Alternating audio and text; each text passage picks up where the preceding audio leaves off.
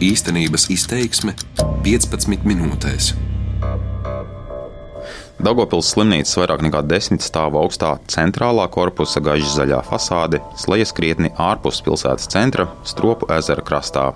Tā ir valstī ceturtā lielākā slimnīca, kas bargas mācības guva pēc aizdomīga hepatīta uzliesmojuma pašā slimnīcā. Izskatās, ka liela daļa telpu slimnīcā nesenos gados ir piedzīvojušas pamatīgus remontus. Tikmēr pamatīgu remontu veselības nozarē ievieš Eiropas Savienība tā ir radījusi divas jaunas regulas ar vadlīnijām par medicīnas instrumentu izmantošanu. Tās piemērojamas būs maijā pēc diviem gadiem un ieviesīs kārtību arī vienreiz izmantojamo medicīnas instrumentu apsaimniekošanā. Regula tos ļaus pārstrādāt un lietot atkal, vai arī strikti liks nodot atkritumos. Mans vārds ir Edgars Kupčs, un saistībā ar instrumentu lietošanu ikdienā bez īpašiem brīdinājumiem esmu ieradies Daugopils slimnīcā. Uzņemts tieku laipni. Labdien! Labdien! Dārgas vēl atnāks, ja? Es no 2. oktobra te strādāju, tāpēc es varu teikt, kas pašlaik ir, ja kāda situācija, kas iepriekš, lai viņš stāsta. Pareizi. Pareizi. Pirmo satieku Daugopils slimnīcas galveno māsu Natāliju Dektarjovu. Atvainojos, es te nevaru pagaidām ar papīriem kaut kā tik galā. Tāpēc vispirms runāšu ar ilgadēju slimnīcas vadības amatpersonu. Ļoti patīkami sajiet. Lūdzu, piesēdiet! Es nepateicu, esmu Natāļa Dikčereva galvenā māsa. Kādā sakarā nolēmāt pie mums atbraukt? Pirms pāris gadiem Daugopils slimnīcā ārstējot uroloģiskas kaites, vairāki pacienti visi reizē dabūja pavisam citu kaiti. Tādēļ ārstniecības direktoram Levkānam jautāju, Pastāstiet, kas notika man kā nezinātājam? Kas toreiz bija? 16. gada jūlijā mēnesī e, bija septiņi gadījumi akūta B hepatīta. Nu, uzreiz, protams, bija izmeklēšana, ko veida slimību profilakses kontrolas centrs. Veselības inspekcija arī jūlijā pa karstām pēdām tā izmeklēšana bija. E, Slimību profilakses kontrolas centrs it kā saistā ar mums, ka tas ot, bet, teiksim, tieši pierādījumi, ka tas būtu mūsu nolaidība, mūsu vaina, nebija. nebija. Jo, teiksim, visas sanitāri higieniskās normas pie mums stingri ievērotas. Arī veselības inspekcija nebija ko iebilst. Nu, un kopš tā laika vairāk mums nevienu akūtu hepatītu B vai C gadījumu nav bijis. Slimnīcas valde reaģēja ar krasām pārmaiņām. Viena no pēdējām ir galvenās māsas maiņa. Natālija Dektarjova te strādā no pērnā gada 2. oktobra. Ir izstrādāts un ieviests higiēnisko un tehniskā režīma pamatprasības ārstniecības eh, plāns. Pašlaik mums slimnīca darbojas tā kvalitātes vadības sistēma, kur ir tāda sastāvdaļa, kā tieši pacientu droša vide un arī personāla droša vide. Mums ir izveidota infekciju kontrolas komanda. Mēs veicam auditus, pastāvīgi veicam auditus. Mums ir auditu plāns. Katru ceturksni vienreiz pārbaudām katru struktūru vienību, katru nodaļu. Te, jā. Gan galvenā māsa, gan ārstniecības direktors tūlīt arī uzsver, ka vienreizējos instrumentus atkārtoti neizmanto. Ja ir norāde, kā dīnieks svitrots, tad, protams, ka mēs neizmantojam, nedrīkst izmantot. Jā. Bet mums nav tādas Jā. domas, ka viņu izmantot atkārtot. Tas ir nonsens. Bet kādā ceļā tad toreiz tas bija hepatīts, ja viņš pie jums izplatījās, kā Nu, viņš var grūti izplatīties? pateikt, Jā. grūti pateikt, jo pārkāpumu no mūsu puses nebija. Bet viņiem kaut kādas operācijas taisīja, vai kas viņiem bija? Nu, bija tur manipulācijas, jā, bija beigtas. Kas viņiem visiem bija kopīgs tiem pacientiem?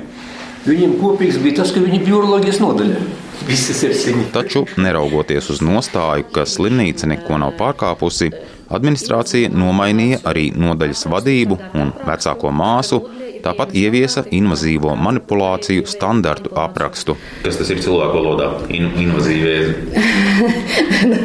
Iejaukšanās, no invazīva.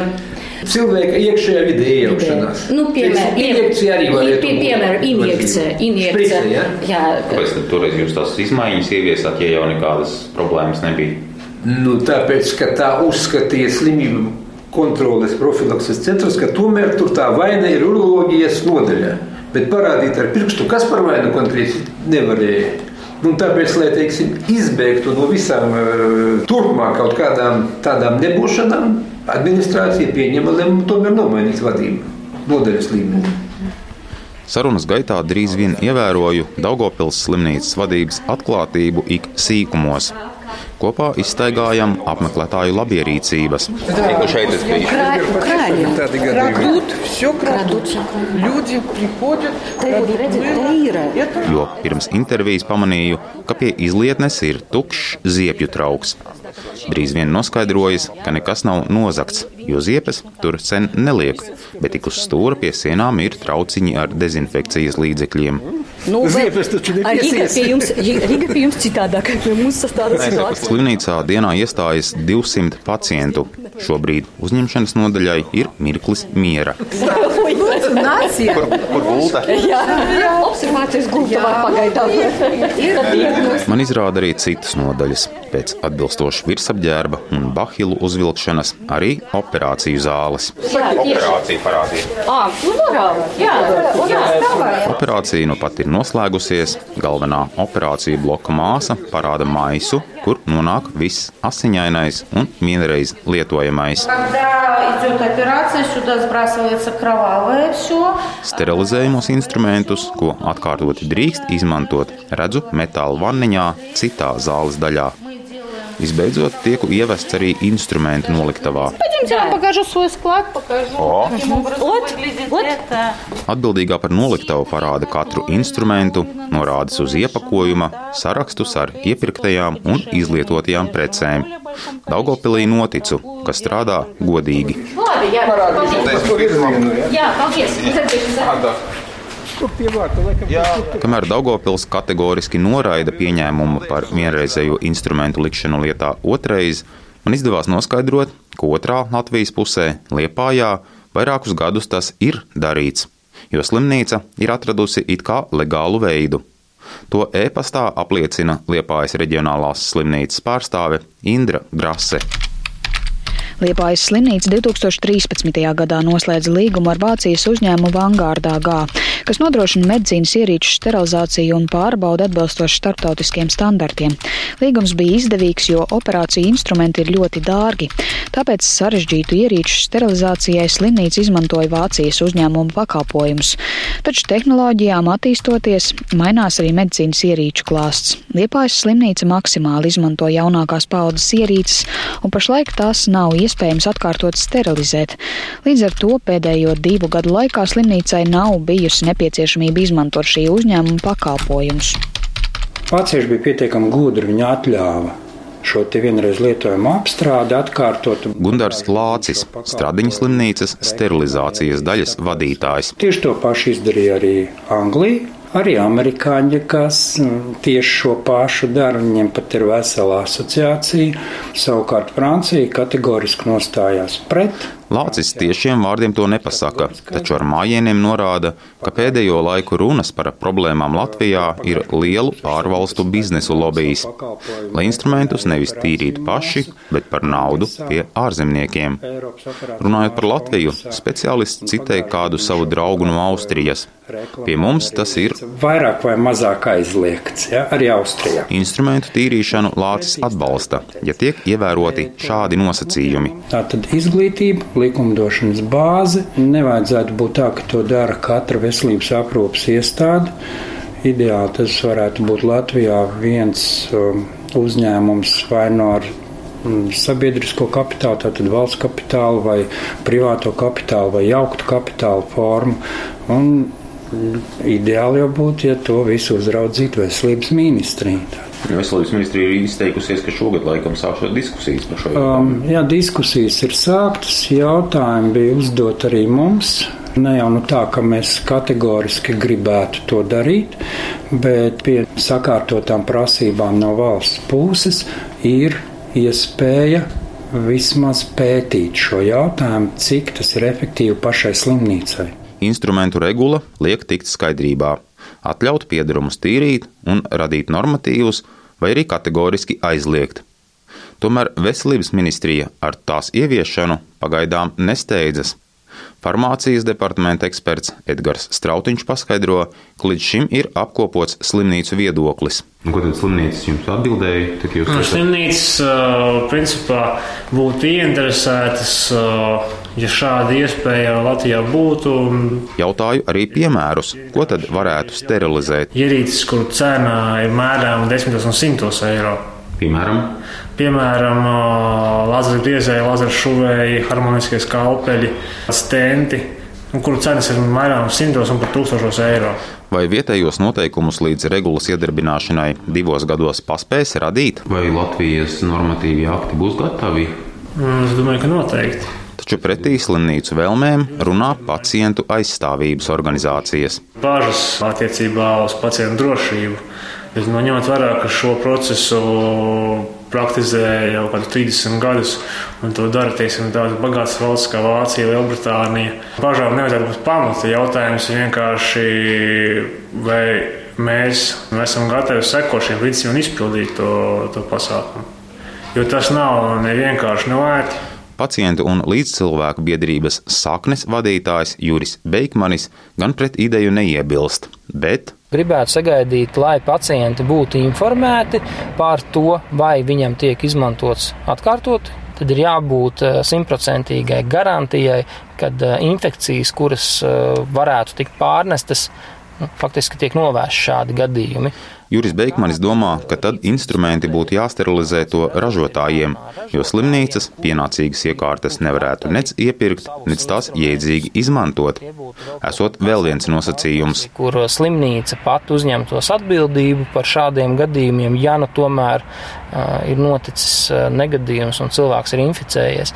Te varētu arī runāt ar apdrošinātāju piesaistīšanu, kas uzņemtos kaut kādu risku dalījumu kopā ar ražotājiem, instrumentiem instrumentu un mediķiem. Kamēr veselības ministrija vēl rota piedurknes tādas kārtības ieviešanai un noteikumus cer radīt tikai ar valdības palīdzību, mazgāto instrumentu skandālu stāsti jau tikuši arī līdz saimas namam.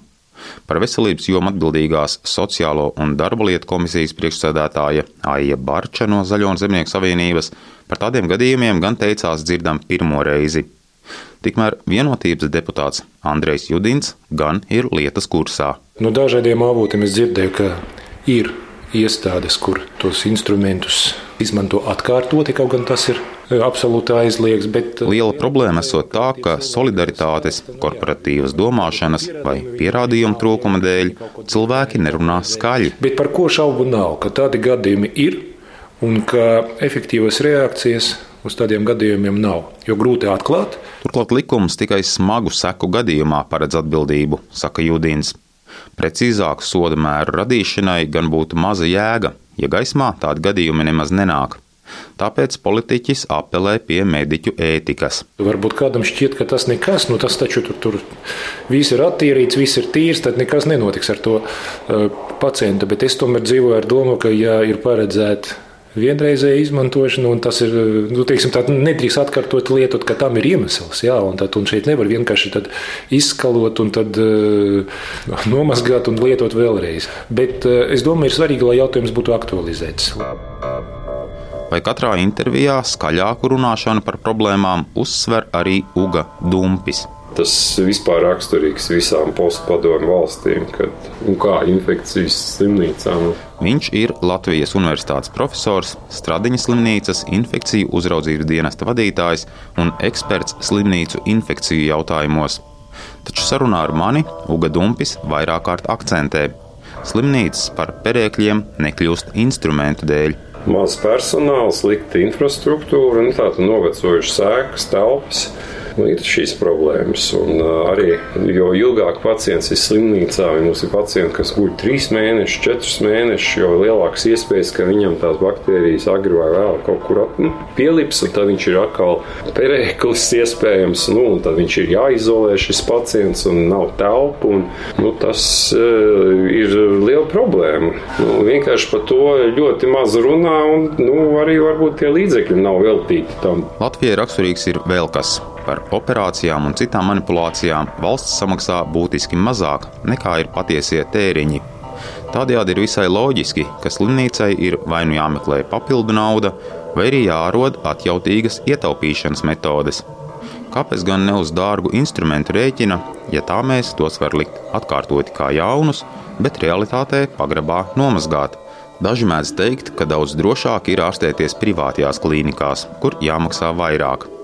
Tomēr šī raidījuma veidošanā dzirdēju arī runas, ka daļa ārstu strādā gan valsts, gan privātajās klīnikās. un nav izslēgts, ka izlietotie valsts slimnīcas instrumenti otru apriti piedzīvo privātu slimnīcā. Īstības izteiksmi gatavoja Edgars Kupčs, skaņu operators Renārs Šteimanis un producente Justīne Savicka. Darbības vārds īstenības izteiksmē izsaka darbību kā realitāti. Tagatnē, pagātnē vai nākotnē, vai arī to noliedz.